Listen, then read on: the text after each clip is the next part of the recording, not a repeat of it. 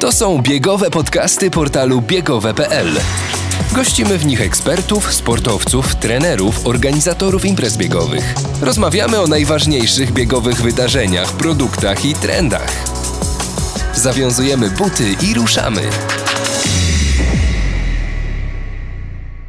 Buty zawiązane, pełna gotowość, nie ma na co czekać, więc startujemy z naszym kolejnym odcinkiem. Damian Bombol, witam wszystkich bardzo serdecznie i przedstawiam mojego i waszego gościa. A jest nim człowiek, do którego biegacze walą drzwiami i oknami, prosząc o solidną dawkę tortur.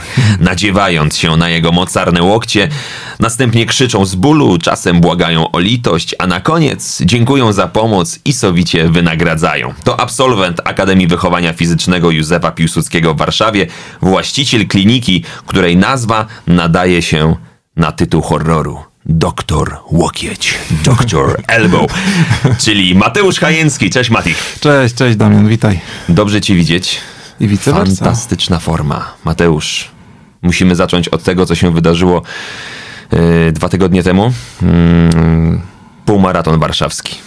Twój debiut biegowy. Fantastyczny występ, super czas. No, dziękuję Ci bardzo. Na pewno tutaj Opowiedz trochę o tym biegu. Wiele rzeczy się złożyło na to, że e, udało mi się w ogóle wystartować w tym, w tym biegu, bo jak wiesz, zawsze stoję po tej drugiej stronie trochę organizacyjnej. E, oczywiście to, że zrobiłem jakąś tam fajną formę na tą imprezę, to jest jedno, ale no dwa, że trochę miasto stołeczne Warszawa, które nie do końca zgodziło się na strefę masażu, tym sposobem pozwoliło mi na to, żebym wystartował po prostu w tym biegu, nie? E, No a tak jak wspomniałeś, no czas, ja oczywiście jestem dla siebie surowy, chyba jak każdy biegacz, nie? Który chce więcej, więcej, więcej, więcej, e, ale no myślę, że jeszcze pół roku temu o takim czasie nawet nie marzyłem. Mateusz, powiedzmy, jaki to był rezultat. 1 godzina 46 minut I około tam 20 i sekund. około 20 sekund. To był twój debiut na tak dużej imprezie biegowej. I tak się zastanawiam, jak to się stało, że, że dopiero teraz wystartowałeś yy, w zawodach biegowych. Przecież przez ostatnie lata yy, wspierałeś, leczyłeś, naprawiałeś biegaczy, miałeś z nimi cały czas kontakt. Yy, jakby no, słysza, słuchałeś o różnych opowieściach, o relacjach z różnych zawodów, o tym, jak się przygotowują.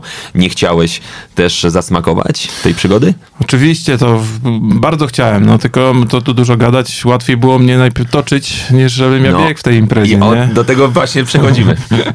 Więc e, paradoksalnie no chciałem e, wystartować, ale zdawałem też sobie sprawę jako fizjoterapeuta, że jeżeli miałbym zrobić czas w okolicach 2,20, 2,30, to oczywiście ja bym to zrobił, nie? Tak jak w zasadzie możemy powiedzieć, że każdy zrobi półmaraton w tempie 2,30, ale jeżeli sobie zadamy pytanie, czy byłoby, byłoby to zdrowe bieganie, no jako fizjoterapeuta, no tak trochę byłoby mi wstyd, gdybym wyświetlił na swoim e, fejsiku, o, zrobiłem półmaraton w 2,30, umierałem przez większość trasy, nie, tam trzy dni nie mogę chodzić, ale jestem z siebie dumny, nie, tak troszkę chyba nie do końca mógłbym świecić przykładem dla, dla innych, nie, więc e, dopiero no, w tym roku troszkę, że tak powiem, się zmieniła moja sytuacja wagowa, e, z super ciężkiej przeszedłem do ciężkiej, mam nadzieję, że w przyszłym roku przejdę może i do średniej nawet, E, No i ten, faktycznie jest tak, że każdy e, kilogram mniej to kilka sekund na kilometrze szybciej, nie? No właśnie, Mateusz, pomówmy trochę o tej wadze. Ta waga super ciężka, ona ci to towarzyszyła przez e, ostatnie lata. Ty jesteś wysokim człowiekiem i ta masa też sprawiała, że no, e, robiłeś wrażenie. E, Szczególnie na tych drobniutkich, szczupłych biegaczach, ale którzy ci ufali, którzy cały czas korzystają z twoich usług, z twojego talentu. Co było takim momentem przełomowym, że powiedziałeś sobie, dobra, biorę się za siebie i robimy tutaj dobrą robotę dla swojego organizmu. Znaczy, muszę wspomnieć o tym, że ja zeszły rok cały biegałem. To było, ja w zeszłym roku przebiegłem ponad 1000 kilometrów, więc to nie było tak, że ja zacząłem, coś się zmieniło w tym roku, jeżeli chodzi o bieganie. Ja biegałem w zeszłym roku i w grudniu pod koniec wszedłem na wagę i patrzę, zrobiłem 1000 kilometrów i co?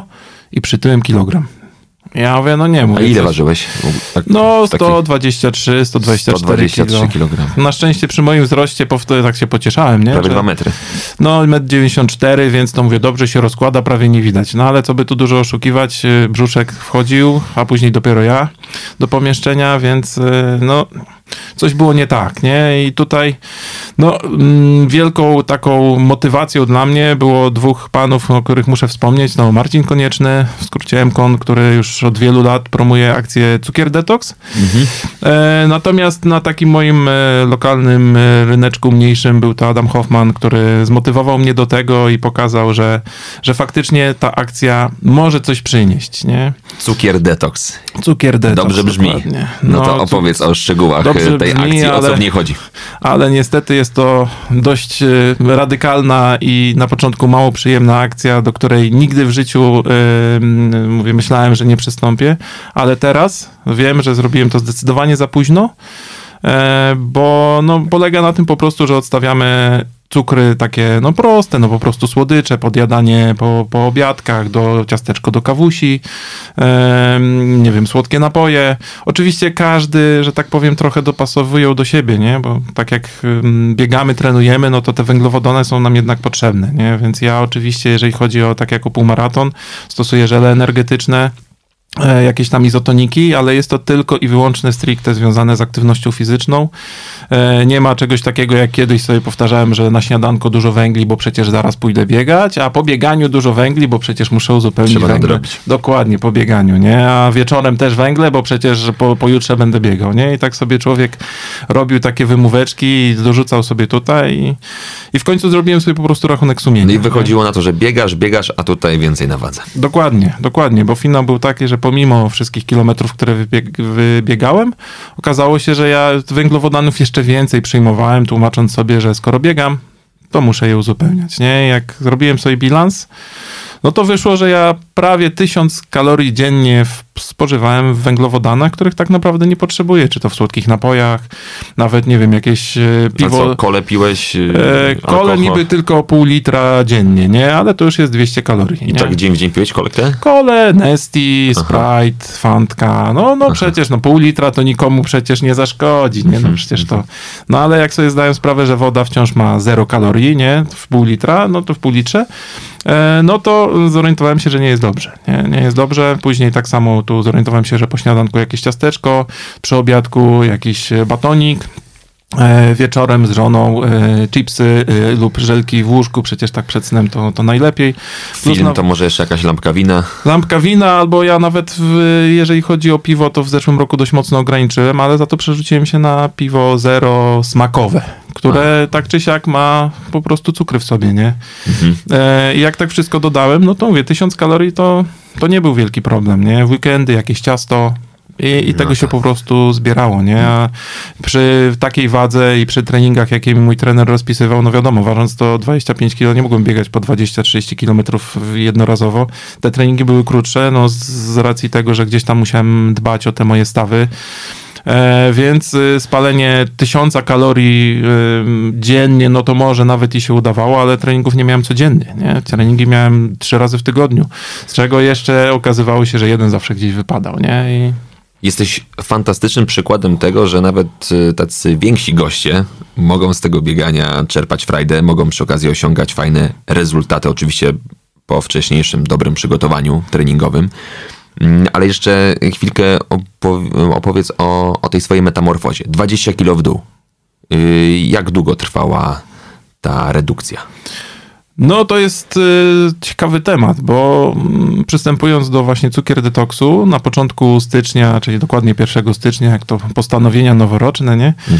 E, no przyznam się, że Nowy pierwsze rok, dwa nowy ja. No, dokładnie, dokładnie tak to miało wyglądać, nie? I pierwsze dwa tygodnie były w porządku, nie? Mówię, o fajnie, organizm się nie dopomina, Mówię, co oni gadali, że to jakaś ciężka przemiana, nie? Następne dwa tygodnie to była dwa tygodnie depresji, e, dwa tygodnie, nie wiem, jak z pamiętnego filmu Dzień Świra, budzę się, a już jestem zmęczony, nie, patrzenie w sufit. Jesus. Go, tak, Jesus, ja dwie godziny ubierałem się na trening, żeby wyjść, nie, i styczeń zamknąłem z kolejnym kilogramem więcej. Bo y, jednak y, dorzucałem sobie większą ilość jedzenia po to, żeby nie czuć głodu. Bo jeżeli poczuję głód, pierwsze co się chciało to słodycze, nie? E, I finał był taki, że mówię, w styczniu byłem dość mocno podłamany i tak naprawdę cukier detoks miał trwać miesiąc, nie? No właśnie, ile trwa ten challenge? Jak to, jak to, czy może on trwać cały czas, czy sobie ustaliłeś jakiś okres? Znaczy ja najpierw miał być to właśnie miesiąc, nie? Po tych trzech tygodniach, jak już zacząłem żyć tą myślą, że zaraz minie ten miesiąc, znowu wrócę do moich ukochanych słodyczy, nie? Właśnie spotkałem się już z wspomnianym Madamem y, i on do mnie mówi, no jak miesiąc, nie? Mówi, człowieku, pięć tygodni to się organizm adaptuje do, do tego, że nie jesz słodyczy. No to jak ty chcesz po miesiącu to zakończyć? I mówi, dawaj, ciśniemy do Wielkanocy, nie? Dla mnie to był jak grom z jasnego nieba, nie? Mówię, Wielkanoc, przecież mówię, niech to będzie chociaż na początku marca, nie? I w tym roku wpadnie początku marca, co oczywiście początek kwietnia, nie? Załamany po prostu, że to będzie trwało tak długo, ale mówię, no dobra, no powiedziałem A, to trzeba powiedzieć również B. E, I, I faktycznie, jak, jak skończył się styczeń, mm, przyszedł luty, e, w połowie lutego się zważyłem, zobaczyłem, o, 3 kilo spadło od tego, tej maksymalnej wagi, którą miałem tam pod koniec stycznia, czyli te 124-125 kilo mniej więcej. 3 kilo już spadło, nie? Mówię, o, fajnie, nie? Marzec, kwiecień był tutaj kluczowy. Tak naprawdę w marcu już wiedziałem, że to, to co przeżywałem to pod ten koniec stycznia było dla mnie tak traumatyczne, jeden z najgorszych okresów w moim życiu. Ja, ja na siłę chodziłem do pracy, wstawałem, Mam syna, z którym muszę, musiałem się zajmować. Może to zabrzmi dość strasznie, ale każda aktywność była dla mnie męczarnią, nie? Nawet żona sugerowała, słuchaj, może masz jakąś depresję, może jakiś psycholog. Ja mówię do niej, słuchaj, ale ja wiem doskonale, co mi poprawi ten nastrój, nie? Głowa mi wysyłała informacje, zjedz coś słodkiego, to ja ci pozwolę funkcjonować, nie?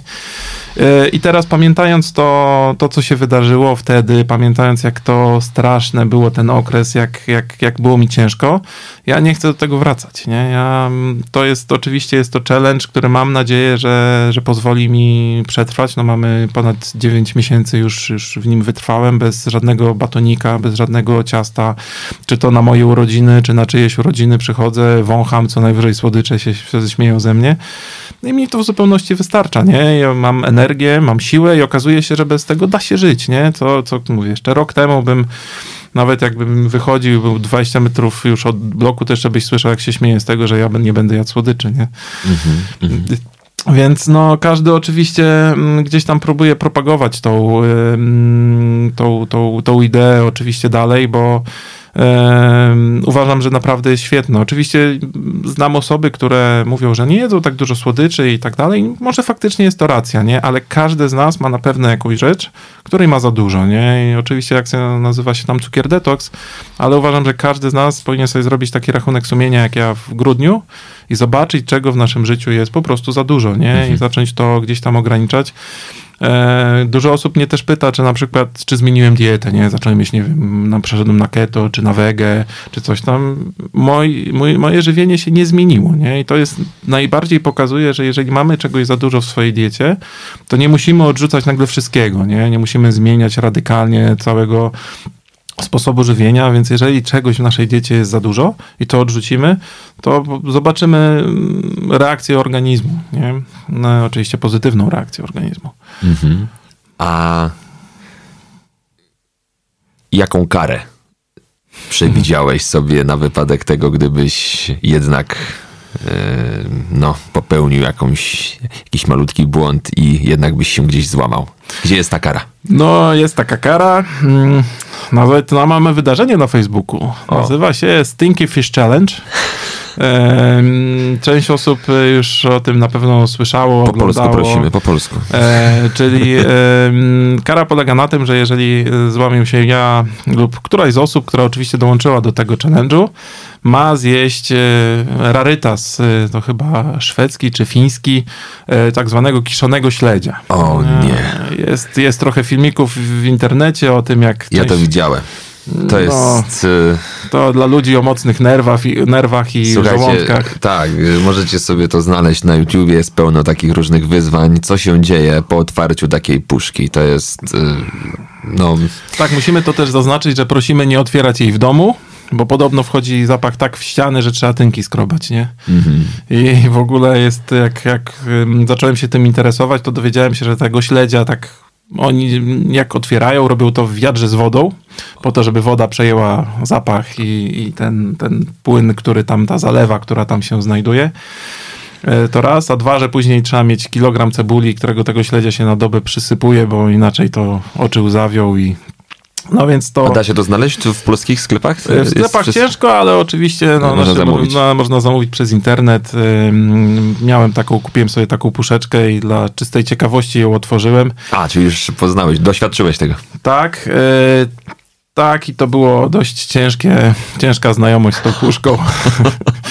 Ilość much, która się zleciała w krótkim czasie i to takich tych much, które możemy spotkać no, na różnych takich psich pozostałościach w O parku, nie. to, to jest po prostu no, nie do opisania.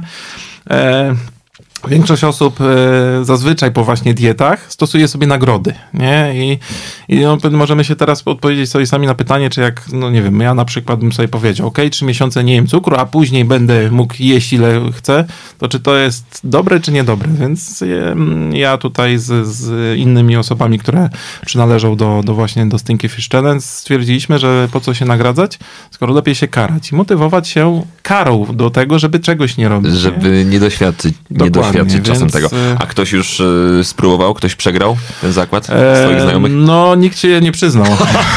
Nikt nie nagrał nikt- filmiku, jak nikt nie chciał nagrać filmiku. E, No, mam nadzieję, że, e, że dzisiaj może ktoś się przyzna i, Okej, okej. i może się dobra. dzisiaj dowiemy e, o różnych właśnie takich Jasne. przygodach właśnie z tym Stinky Fish Challenge, ale faktycznie ja osobiście otwierając tą puszkę wiedziałem, że to chcę, żeby to był mój drugi raz, czyli pierwszy i ostatni.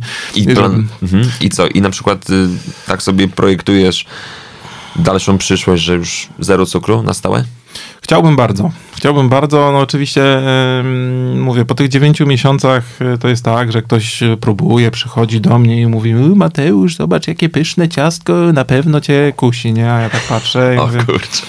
mówię, no znaczy dla mnie to jest... Co za okrutny To się człowiek. tak wydaje. Naprawdę po dziewięciu miesiącach to jest tak, że ja wchodząc do sklepu pierwsze, gdzie mój wzrok leciał, to były słodycze, nie? Teraz mimo wszystko ja w ogóle ich nie zauważam, nie? Ktoś mi mówi, ale jest pyszny, nowy batonik się pojawił. Ja Mówię, tak? O, fajnie, nie? Mówię, w ogóle tak samo, nie wiem, gdzieś tam mam syna, który no, on już wie, że tata nie jest słodyczy, ale on raczej nie, nie chce należeć do tego challenge'u i wiadomo, że w tygodniu może gdzieś tam ograniczamy słodycze, ale w weekend może sobie spróbować i nie mam problemu, żeby je kupować, żeby je dotykać. Mówię tak, nie wiem, zawsze byłem uzależniony gdzieś tam od jedzenia żelek. Lubię sobie te żelki, nie wiem, powąchać e, niemieckiej firmy na H, co by tutaj lokowania produktu nie robić. E, I faktycznie one pięknie pachną, ale zupełnie nie mam tak, żeby mnie to gdzieś tam ciągnęło, kusiło, albo nie wiem, e, żeby nie można było tym torturować, że nie wiem, będą mi roz, rozsypiał wokół mnie e, te słodycze, ale muszę taką anegdotkę powiedzieć, że jak właśnie byłem za granicą i wszedłem na taki dział gdzie były ten, to jednak lekko ręce zaczęły się trząść.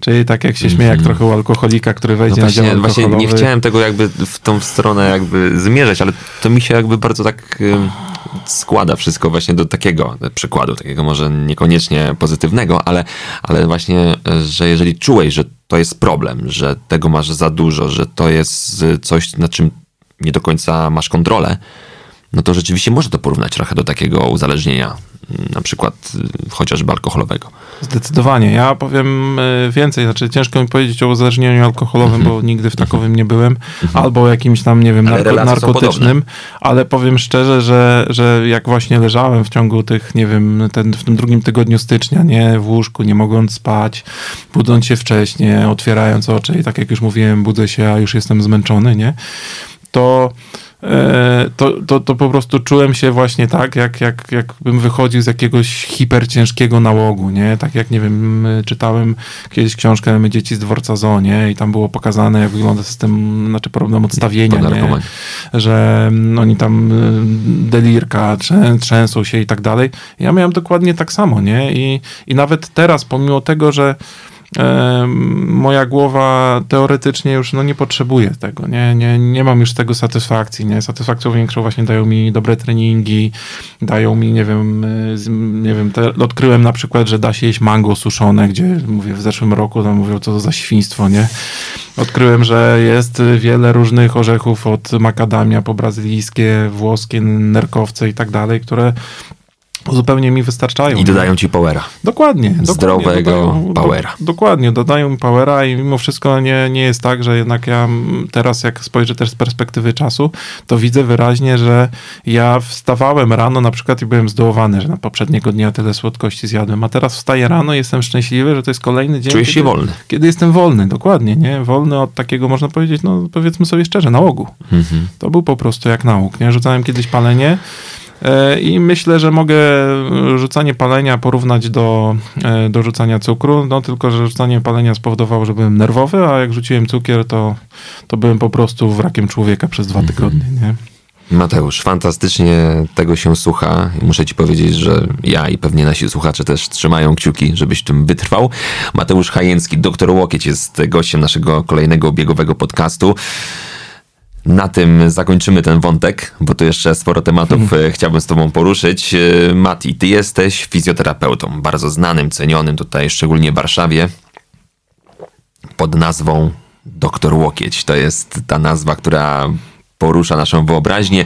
Niektórzy pewnie nie wiedzą skąd się wzięła ta nazwa, więc gdybyś to mógł wytłumaczyć, dlaczego jesteś określany, dlaczego masz taki przydomek Doktor Łokieć. No, to mm, historia jest dość, dość długa. E, na podziękowania za tą nazwę na pewno mm, e, muszę podziękować e, bratu naszego wspólnego znajomego Marcina Dulnika, który kiedyś takim Pozdrawiamy mianem, pozdrawiam, serdecznie. który takim mianem mnie określił i było to tak celne, że i tak szybko się przyjęło, że, mm, że zostałem określony właśnie mianem doktor Łokieć, a wszystko się wzięło stąd, że natura wyposażyła mnie w tak zwane hipermobilne kciuki. Nie? Moje kciuki wyginają się dość mocno w stronę przeciwną e, niż, niż normalne i oczywiście jak zaczynałem moją pracę, to e, były mniej, jednakże wiadomo, że głównie fizjoterapeuci pracow- na początku pracowałem, nie wiem, palcami, głównie kciukami i te kciuki z, z czasem zaczęły się wyginać coraz mocniej. Nie? Obecnie czuję, że mm, te stawy są już no, dość mocno wyrobione. E, Jest to jakaś tam cecha oczywiście genetyczna, więc są osoby, które te kciuki są zupełnie proste. Mój, mówię, odgina się w tą przeciwną stronę, no to ty też masz tą cechę genetyczną, że się Właśnie, wygina w właśnie drugą, sobie sprawdzam. w drugą stronę, więc na terapeutę też byś musiał znaleźć jakieś narzędzie zastępcze za kilka lat, bo ponieważ te kciuki bolą. Po prostu mnie bolały po tych 8 godzinach dziennie pracy. Czy ja też będę potrzebował pomocy? Znaczy, na szczęście nie pracujesz rękami No manualnie i tak dalej, więc myślę, że, że nie będziesz miał z tym problemu. Mhm. Natomiast u mnie, no, powracałem do domu, kciuki zaczęły mi strzelać, zaczęły mnie Okej. boleć, e, zacząłem szukać narzędzi zastępczych, jakieś, em, było takie urządzenie pierwsze, które się pojawiło, to było Thumb Saver, e, tylko, że no miało jedną wadę, nie czułem nic zupełnie, bo to był plastikowa po prostu osłonka taka, która powodowała, że ten kciuk się nie wyginał. No i co? I było trzeba znaleźć e, inne. No, myślałem o kolanie, pięcie, dużym palcu u nogi, no ale nie okłamujmy się, trochę by to było, że tak powiem, niekomfortowe dla pacjenta, gdy Chciałbyś mu... kolanem e, r- leczyć biegaczy? Doktor Kolano? No więc właśnie, nie? Więc mówię, nie, nie, to nie jest dobre narzędzie i kiedyś po prostu mm, oparłem się łokciem tak bardziej dla żartów o moją pacjentkę, która aż podskoczyła i się okazało, że to jest całkiem niezłe narzędzie. No musiałem też... Podskoczyła z bólu. Oczywiście, oczywiście tak, więc mówię, reakcja była jak najbardziej prawidłowa, Okej. więc y, zaczęła mi się podobać, jednakże no, z łokciem jest ten problem, że skóra na samym łokciu jest najmniej unerwioną skórą w całym organizmie, nie? No Możemy się szczypnąć w łokieć z całej Nic siły i nic nie boli, a paradoksalnie tuż obok przebiega nerw, który jak się uderzymy, to mamy mrówki w całym ręku, nie? Więc gdzieś mój organizm musiał sobie wyrobić tą, tą, to uczucie tej siły, z jaką, jaką przykładam w sensie do pacjenta, żeby to, bo na początku było to zero-jedynkowo, albo ktoś nic nie czuł, albo z bólu, nie? Musiałem się tego nauczyć. Ja byłem się, i byłem z bólu. Okazało się, że to, to narzędzie zaczyna się sprawdzać. Wtedy mimo wszystko byłem jednym z niewielu, którzy oczywiście tą metodę odkryli.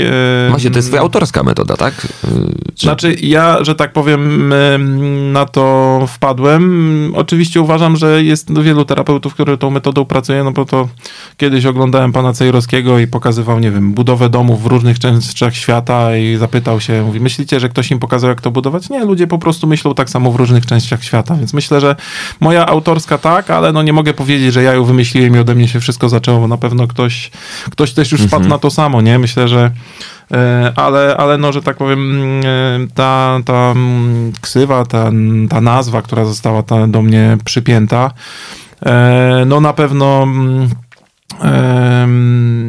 no mówię, jest wyjątkowa, e, za co bardzo jeszcze raz e, dziękuję tutaj. No jesteś, jesteś znany, wyróżniasz się na pewno tą nazwą i przyciągasz uwagę. Tak, no nie ma co dużo też mówić, że wcześniej e, nazywałem, nazywał się mój gabinet Fizmet, nie? Mhm. Tych nazw takich oscylujących wokół zlepka trzech liter, możemy, nie wiem, Translud, nie, Waldbud e, i tak dalej, i tak dalej. W Warszawie chyba są, były dwa Fizmedy, był Fizjomed, był wiele różnych właśnie takich zlepków e, nazw i większość oczywiście powodowało to, że nikt nie pamiętał, jak się nazywałem, nie?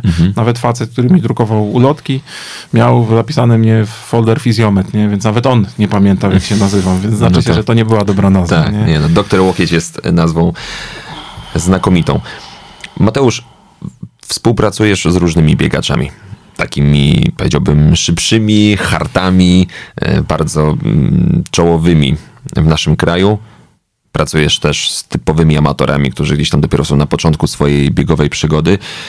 Z jakimi problemami do ciebie ludzie najczęściej przychodzą? Szczególnie teraz, może po tym, albo w zasadzie w trakcie tego pandemicznego okresu, który jest y, takim czasem, kiedy jednak tej aktywności fizycznej chyba jednak jest, jest jeszcze mniej niż było przed. Takie mam przynajmniej poczucie, a może jest inaczej, może byś mnie tutaj wyprowadził z tego błędu. Z jakimi najczęściej problemami ludzie do ciebie przychodzą? Czy to są bóle kręgosłupa, czy to są bóle stawów, kolana? Z czym teraz najczęściej musisz się mierzyć? No właśnie, to jest bardzo ciekawy okres. Możemy powiedzieć, że w ciągu dwóch ostatnich lat ten pacjent przychodzący do nas bardzo się zmienił. Faktycznie, nawet jeżeli ktoś biega, to większość problemów, które przychodzi, oczywiście mówiąc, że no podczas biegania coś go zaczęło boleć, jeżeli robimy dobre mm, badanie mm, i, analizujemy tak naprawdę e, jego e, całą historię, okazuje się, że jego problemy nie wywodzą się z biegania. Niestety wywodzą się z siedzenia. E, oczywiście, no korporacje, okej, nie narzekaliśmy wtedy na korporacje te dwa lata temu, nie? A teraz okazuje się, że ludzie są teoretycznie byli szczęśliwi, że mogą pracować w domu i okazało się, że jest jeszcze gorzej, nie? Bo tak, e, wiadomo, kanapa przyciąga, łóżko przyciąga, ilość poduszek pod głową przyciąga. Platformy streamingowe też yy, przyciągają do kanapy. To raz, to dwa, że mimo wszystko kiedyś ludzie szli do pracy, odbębniali 8 godzin, mieli tam może jakąś pół godziny przerwy, szli do domu, nie? A teraz pracując w domu, pracują 3 godziny, zrobią sobie śniadanie, wyjdą, wrócą, mówią, kurczę, dopiero 3 godziny popracowałem, a już jest 12, nie? Muszę jeszcze 5 popracować, żeby wyrobić tą normę 8-godzinną, nie? I tych historii takich, że teraz pracują w zasadzie od 8 rano do 18, do 19 jest bardzo dużo. Bo mówią nam, że ilość kroków w ciągu dnia, tak jak kiedyś musieli dojść do biura, przejście po nim, poszli gdzieś tam i robili te 4-5 tysięcy kroków, co i tak oczywiście jest mało. Co mówiliśmy wtedy, że to jest mało, nie? Teraz mówią, że dziennie robią półtora tysiąca kroków. A niektórzy nawet kilkaset. Dokładnie. Moim zdaniem jest, to jest, to jest już Kilkaset, niestety nie? Taka, powiedziałbym, patologia. Mieszkają w kawalerkach, organizmu. nie? Że od łóżka do lodówki jest 6 metrów, a do łazienki są 4, nie? Mhm. I, i tak naprawdę to, to półtora czy tam kilkaset kroków, to możemy powiedzieć i tak jest dużo na 30 metrach kwadratowych, że ktoś poprzechodzi, nie? E, No i ja zawsze podkreślam w swojej pracy, że najważniejsza jest ta równowaga. Nie? Jeżeli mamy gdzieś tam statykę, oczywiście jest dynamika, tylko że my z tej statyki skrajnie przechodzimy do treningów. Tak jak ja sam wspominałem, zawsze wymagam od siebie dużo, chcę szybciej, mocniej i tak dalej i trener e, musi mnie hamować. Tak samo tutaj też powinna być ta równowaga zachowana, nie? I mamy nagle 10 godzin statyki, a później ciach, godzinny dynamiczny trening i znowu co? Znowu statyka, nie? Więc ten organizm po prostu zaczyna się buntować, nie? Mamy też oczywiście wszechobecny stres w tych czasach, który no nie pomaga, nie? Stres jest takim ustrojstwem, jak ja to mówię, który wchodzi w te rejony, które i tak są już najbardziej e, obciążone. Więc on, ktoś tam mówi, o, on sobie wybiera najgorsze miejsce. On sobie nie wybiera, on równo wchodzi w organizm, ale wiadomo, że najbardziej jest odczuwalny w tych miejscach, które już są poprzeciążane, nie? Więc tak jak e, zapytałeś, z czym do mnie biegacze najczęściej przychodzą, no to to jest już tak, że jeżeli ktoś, nie wiem, pracuje, przyznaje mi się, że pracuje w łóżku, nie? Okazuje się, że bardzo go boli szyja, nie? Bo ma pięć poduszek pod głową, bo przecież tak może, trzymając laptop na klatce piersiowej, to jest jedyna metoda, w której może pracować, nie? Drugi przyjdzie mm, do nas i mówi, że ma jakieś tam krzesełko, na którym oczywiście pupą odjeżdża od oparcia, leży pochylony, wygięty, no więc mamy ten mm, odcinek piersiowy lub lędźwiowy kręgosłupa, tak? Natomiast z nogami, no, no jest to samo. To w nogach ja się śmieję, że dość dużo widzimy tego, tego, tego stresu właśnie, nie? Że to widzimy po prostu, że tak zwane napięcie spoczynkowe. Osoby, która mówimy, żeby się położyła na leżance, nie? Mówimy rozluźnij się, on mówi no już, nie? A my go dotykamy, a on jest y, napięty jak, jak plandeka na żuku, nie? Więc i mówimy, no, no ale jak to już? No przecież ty jesteś cały spięty. Jakbyś mówił, nie, nie, ja, ja tak mam na co dzień, nie? I okazuje się, że dość dużo osób jest, ma teraz takie tak zwane wysokie napięcie spoczynkowe, nie? że nie potrafią się rozluźnić. Nie? E, I, I to jest trochę taka walka z wiatrakami, bo My oczywiście przeprowadzamy terapię, nie? Dajemy dość dużo pracy domowej. E, mówimy, że mm, dużo osób myśli, że przychodząc do nas, my jesteśmy cudotwórcami i w wielu sytuacjach jesteśmy w stanie pomóc, ale pacjent musi nam też pomóc, nie? Musi być, musi być jakiś feedback, nie? Który, jeżeli go zabraknie, no to niestety ta terapia robi się taka dość, no dość trudna po prostu mhm. mówiąc, nie? Że tak samo mamy coraz mniej pacjentów z urazami ostrymi, a mamy z tak zwanymi przewlekłymi, nie? Czyli coś, to napięcie właśnie trwa, jakieś przeciążenie trwa dość długo, nie? I automatycznie te przewlekłe e, urazy, no też troszkę dłużej je się leczy, nie? Mhm. A jak oceniasz e, sprawność biegaczy? A nawet nie tylko biegaczy, ogólnie pacjentów, z jakimi masz e, do czynienia, z którymi współpracujesz? Jakbyś mógł wystawić nam, Polakom, ocenę od 1 od 1 do 6. Jak jak jesteśmy sprawni. Szczerze. Oj, to, to ciężko, nie chcę wrzucać wszystkich biegaczy po prostu do jednego wora. Ale nie, bo... gdybyś mógł tak uśrednić, jak to oceniasz? Jest wiesz, dobrze, źle, fatalnie? Znaczy, e, ja bardzo się cieszę, że mamy grupy biegowe. Mhm. Grupy biegowe, które faktycznie dbają o to, żeby były wszystkie elementy, rozgrzewki i tak dalej. Ja dzielę trochę biegaczy na tych, którzy mieli kontuzję albo będą mieli kontuzję. Mhm. I ci, co mieli kontuzję, są już mądrzejsi, wiedzą, że e, może tak, każdy z nas, nawet ja, miałem tak zwany God mode, nie? Mówię, mnie nic nie tyka, w końcu jestem fizjoterapeutą, nie? Przecież tak. mnie nic nie ruszy, nie? I, I znam wielu takich biegaczy, którzy przychodzą z jakąś pierwszą kontuzją i słuchaj, trzy lata przecież ja się nie rozciągałem, nie rozgrzewałem i, i, było wszystko dobrze, nagle się coś popsuło. Co się stało, nie? Ja mówię, no słuchaj, no organizm ma pewną wytrzymałość, nie? I on, jeżeli przekroczysz tą granicę, no to on wysiada, nie? E, więc e, ja bym jednak ocenił e, na to, że, że coś się zaczyna zmieniać na szczęście w nas. E, jest to też efekt pracy, jest to też efekt świadomości, jest to nawet efekt tego, że jeżeli, nie wiem, ty powiesz mi, że no, ja się nie rozciągam i tak dalej, to zobaczysz, że zaczynają cię otaczać ludzie, którzy regularnie chodzą do fizjoterapeuty, mają y, ćwiczenia jakieś tam dodatkowe sobie, wiesz, robią gdzieś tam w domu. Każdy zaczyna mieć gdzieś tam tak zwany beret, y, na którym czy to siedzi w pracy, czy później sobie trochę na nim postoi i zaczyna robić tak zwane ćwiczenia na core. Y, każdy gdzieś tam ma roller, który zaczyna być wszechobecny, a nawet jeżeli nawet go nie używa, ale to dostanie go na prezent i ma, nie? Więc mówi, dobra, coś mnie tam boli, to wezmę ten roller i chociaż się poroluję. Więc ja, e, jeżeli byś mnie zapytał, to dwa lata temu powiedział, że mamy taką słabą trójkę. Teraz myślę, że już wchodzimy w taką czwóreczkę, jeżeli o to chodzi. E, no to dobrze. To jest, to jest, to jest fajne. optymistyczna. Bardzo optymistyczne ocena. i ja się bardzo cieszę z tego powodu, że jednak ta świadomość zaczyna rosnąć, bo e, mówię, no w tych czasach, no mówię, ten, ten pacjent się na pewno zmienił, nie? Zmieniły się też trochę jego problemy, zmieniły się trochę też jego potrzeby, ale no jest tak, że kiedyś jeszcze te dwa lata temu przychodzili ludzie no totalnie zieloni, nie wiedząc nic zupełnie, nie? O, otworzyłem drzwi, założyłem buty, halówki i poszedłem biegać po asfalcie, nie? I bolą mnie pięty, nie? Dlaczego, nie? Przecież w halówkach biegam po, po hali i mnie nie bolały pięty, a jak biegam po asfalcie, to mnie bolą, nie?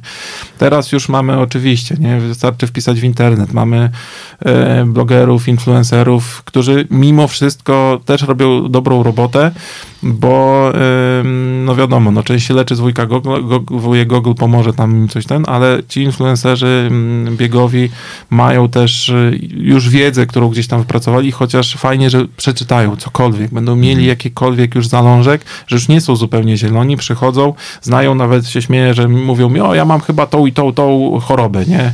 Ja się śmieję, mówię, no słuchaj, trafiłeś, nie? Masz to samo, nie? To dokładnie. On mówi, ale nie wiem, jak to się leczy, nie? No ja mówię, no to od tego jestem ja, żeby ci to pokazać. Nie? No właśnie, od tego jesteś, żeby mm, naprawić danego biegacza, ale zastanawiam się, czy jesteś e, coraz bardziej postrzegany jako nie tylko ratownik, Y, związany z jakimś kontuzją, z jakimś urazem, ale też człowiekiem, do którego warto mm, przychodzić regularnie i po prostu y, jakby traktować wizytę u ciebie jako jedna z jednostek treningowych na przykład. No i mam e, już kilkunastu takich pacjentów, którzy są poumawiani do mnie na, czy to raz w tygodniu, jeżeli jest triatlonistą, czy to raz na dwa tygodnie, jeżeli jest gdzieś tam biegaczem, czy raz na cztery tygodnie, jeżeli jest tam bardziej amatorskim biegaczem, że przychodzą do mnie na tak, tak zwany sprawdzian, nie? Mhm, że ja po mhm. prostu opracowywuję, czy to zwykłym masażem, czy, czy jakąś terapią, większość takich newralgicznych punktów w, w ich ciele i podpowiadam, mówię, słuchaj, zobacz, tu jest bolesne, nie? Przed następną, do następnej wizyty popracuj bardziej nad tym, nie? E, I, i, ta, mm, i, I faktycznie te osoby mówią mi, że słuchaj, biegam trzy lata, nie, gdzie i przychodzę do ciebie i w sumie sobie właśnie zdałem sprawę, że od trzech lat kontuzja czy ból żaden nie sprawił, że byłem wyłączony z jakichś zawodów, nie mogłem wystartować, nie, przez te trzy lata. I oczywiście mówią, że to moja zasługa, ja mówię, słuchaj, to też twoja zasługa, mądrego treningu, ale też i właśnie tego, że chodzisz do fizjoterapeuty, nie. Często jest tak, że my jako biegacze, wiesz, no, no wiadomo, boli nas coś, nie? Jeżeli nas nie boli, to, to, to jest dopiero zastanawiające, ale jeżeli nas boli, to znaczy, że trening dobrze wchodzi i, ten, i często jesteśmy w stanie tak jakby nie usłyszeć jakiegoś sygnału z naszego ciała, a my jesteśmy właśnie po to, żeby, żeby ten sygnał zauważyć, nie? Żeby go sprawdzić, nie? Nawet jeżeli mi powiesz, boli mnie tu, zobacz, nie? A ja ci powiem, słuchaj, boli cię tu, bo to na przykład idzie z innego miejsca, nie? Gdzie ty byś powiedział, o kurczę, faktycznie, nie? Wcześniej jeden dzień bolała mnie łydka, a teraz na przykład boli mnie Achilles, nie? I mówię, a może od buta, może obtarcie, nie? A się okazuje, że łydka zaczęła się spinać. Ja to wychwycę i powiem ci, słuchaj, zajmij się nią, albo nie wiem, jeżeli widzę, że tu jest źle, do, dokładamy kolejną wizytę i, że tak powiem, em, niszczymy zagrożenie w zarodku, nie? Mhm. Tak jest. A z jakim największym wyzwaniem, z jakim takim największym urazem musiałeś się zmierzyć, gdzieś tam dokopać niczym Dr. House, gdzie to trwało dosyć długo, a jednak udało się wypracować e, jakby źródło tego bólu, jakiejś kontuzji i pacjent był zadowolony. Co to takiego było? Miałeś taką historię?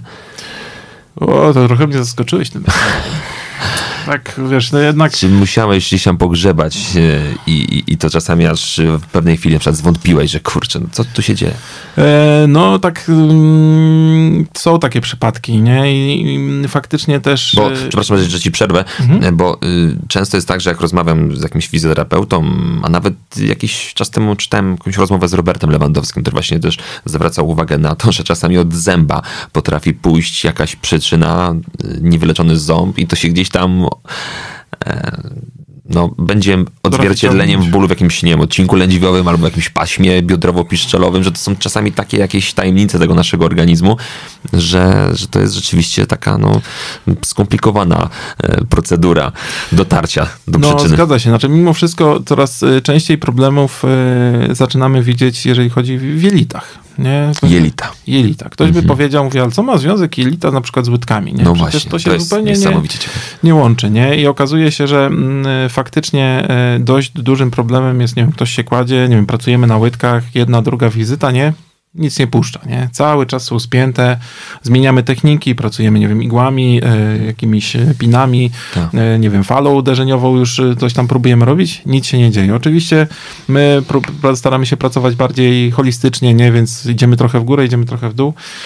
No i się okazuje, że zaczynamy poszerzać ten wywiad i mówimy, no ktoś mówi, że od, nie wiem, dwóch tygodni, nie wiem, ma problemy za przeproszeniem zatwardzeniem. Mhm. Albo mimo wszystko właśnie, że gdzieś tam ten żołądek po prostu boli, nie? E, I, I okazuje się, że jest to już wspomniany przeze mnie jakiś tam efekt stresu, e, efekt tego, że ktoś dużo siedzi. Wiadomo, że jeżeli siedzimy, no to te jelita dużo gorzej pracują. Siedzimy w zgarbionej pozycji, klatka piersiowa zaczyna się opuszczać, zaczyna uciskać przeponę, przez to wszystkie te tak naprawdę narządy są, są ściśnięte. E, dochodzi stres, mięśnie się jeszcze bardziej obkurczają, jelita zaczynają gorzej pracować. Nie zwracamy jeszcze uwagi na to, jak oddychamy. To też jest... y, Kolejna rzecz, Kolejna dokładnie, rzecz. nie? Kolejna rzecz, że to właśnie ten oddech. Kiedy ostatni raz zastanowiliśmy się, jak my oddychamy? W ogóle, czy my zwracamy uwagę na ten nasz oddech? Przecież to jest kluczowy element naszego funkcjonowania. Dokładnie, nie? Plus jeszcze wiadomo, nie? Część osób jeszcze pali papierosy, Mhm. nie? Więc to też, też, też dokłada temu organizmowi. I się okazuje, że problem jego ciała e, nie jest e, w jego łydkach, tylko faktycznie, jeżeli mu rozpracujemy, gdzieś tu tutaj popracujemy na tych narządach, popracujemy trochę na przeponie, poprawimy sylwetkę, jeżeli chodzi o pozycję siedzenia w pracy, pacjent przychodzi i mówi, słuchaj, ty w łydkach lepiej, a przecież nie, ostatnio nic nie robiłeś. Ja mówię, no widzisz? Więc to jest tak, że wiadomo, medycyna cały czas idzie naprzód. Mamy tak samo, jak i pojawił się COVID w naszym życiu, pojawiają się tak samo choroby, może nie to, że nowe choroby, ale nowe objawy, z którymi my, fizjoterapeuci, musimy się też liczyć i musimy się po prostu nauczyć, e, nauczyć. Musimy poznać je i, i sposoby leczenia i pomagania, co najważniejsze, e, ludziom, bo ja zawsze powtarzam, że największym problemem tych czasów jest to, że my mm, za dużo po prostu siedzimy. W mhm. szczególności jest to problem no, Warszawy i myślę, że takiego cywilizowanego po prostu no, narodu. Nie? Mimo, że cały czas gdzieś pędzimy, to jednak nasz organizm tego nie traktuje jako fizycznego takiego pędu, w którym on sam może odnieść jakąś korzyść. To wszystko jednak jest No to... niestety właśnie wręcz przeciwnie, nie? To się mhm. wręcz przeciwnie jeszcze gorzej na nim e, odbija i, i nasze życie zostało po prostu jest podzielone na, na takie, ja mówię, powinna być równowaga, nie? Kiedyś e, nasi rodzice, nie? Cała, cała Polska, cały tak naprawdę nasz kraj był w oparciu o aktywność fizyczną, nie? Dlaczego? Dlatego, że nie wiem, jak nawet ktoś pracował na poczcie, nie? No to ksero było, nie wiem, jedno i było trzeba iść, nie? Pieczątka, kierowniczka, było trzeba iść, nie?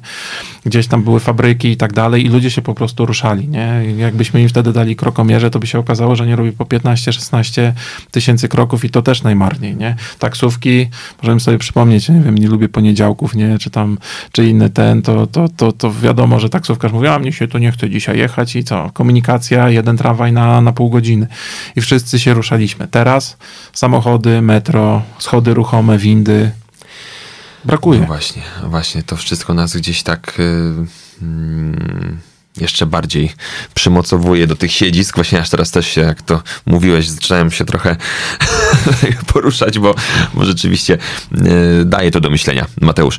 Y, Mati, jakiś czas temu, jakiś czas temu, w sumie to już było z 2-3 lata temu, y, po sukcesie, kiedy jeszcze trenerem naszej reprezentacji Polski był Adam Nawałka, w jego sztabie pracował taki fizjoterapeuta Bartłomiej Spałek, którego też tutaj pozdrawiam, może będzie nas słuchał.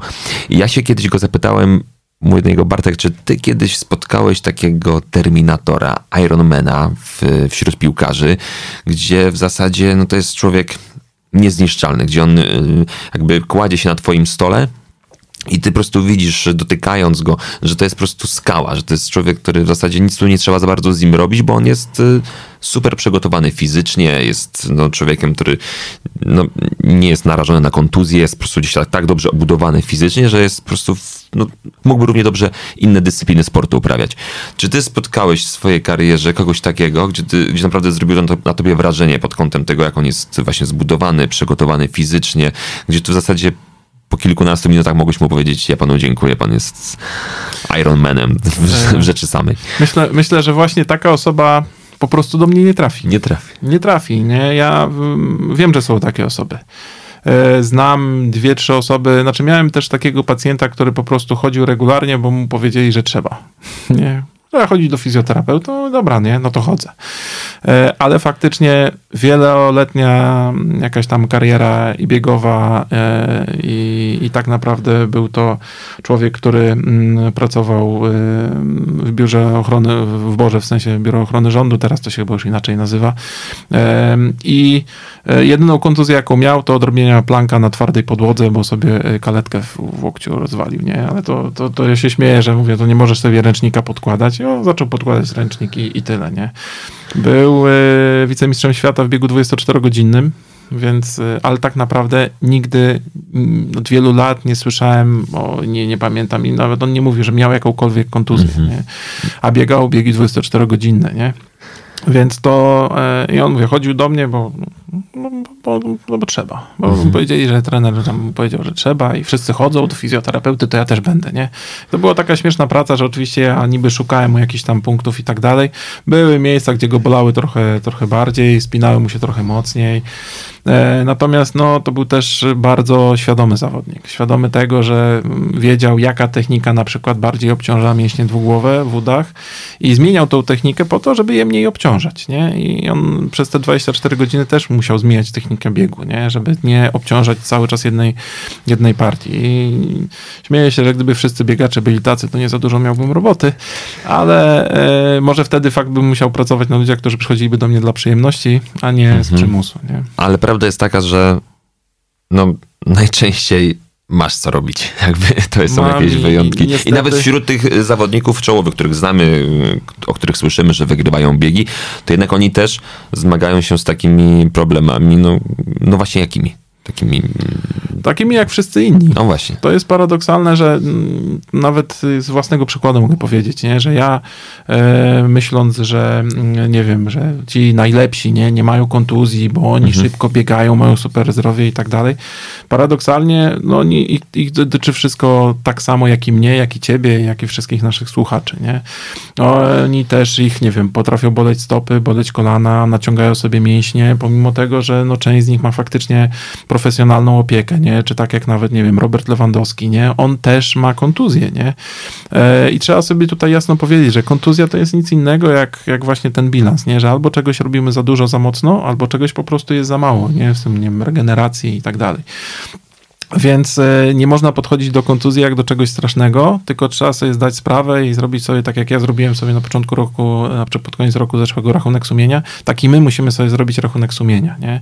Jeżeli coś nas boli, coś nam doskwiera i, i mamy tą kontuzję, to zastanówmy się dlaczego. Nie? Więc ym, mówię to, czy ym, przychodzi do mnie y, zwykły, przeciętny Kowalski, który biega dyszkę w 70 minut i na przykład boli go pasmo biodrowo-piszczelowe, czy przychodzi do mnie y, top 10 na, na dychę z Polski i, i tak samo będzie go to bolało, nie? Więc te kontuzje są takie same u, u wszystkich nas, nie? I mówię, róbmy sobie taki rachunek sumienia, nie? Że czy czegoś nie robimy za mocno, za dużo w stosunku na przykład do regeneracji, bo organizm prędzej czy później będzie musiał dać, dać nam tutaj odpowiedź pod postacią, no, nazwijmy to kontuzją lub po prostu jakiegoś naciągnięcia bólu, nie? Mhm. Mateusz, bardzo dziękujemy. W imieniu też naszych słuchaczy, biegaczy, biegaczek, y, dziękujemy, że do nas dotarłeś. Mateusz Hajęcki, doktor Łokieć, był gościem naszego kolejnego odcinka biegowych podcastów. Doktor Łokieć, ale też człowiek, który wytrwale uczestniczy w super wyzwaniu Cukier Detox. Y, Trzymamy, Zapraszamy i polecamy. Właśnie, właśnie, też zachęcamy, spróbujcie, przekonajcie się i też no, dajcie nam znać, jak wy będziecie e, przechodzić, jak wasz organizm będzie reagował na taką rewolucję, ale rewolucję na dobre i to podkreślamy.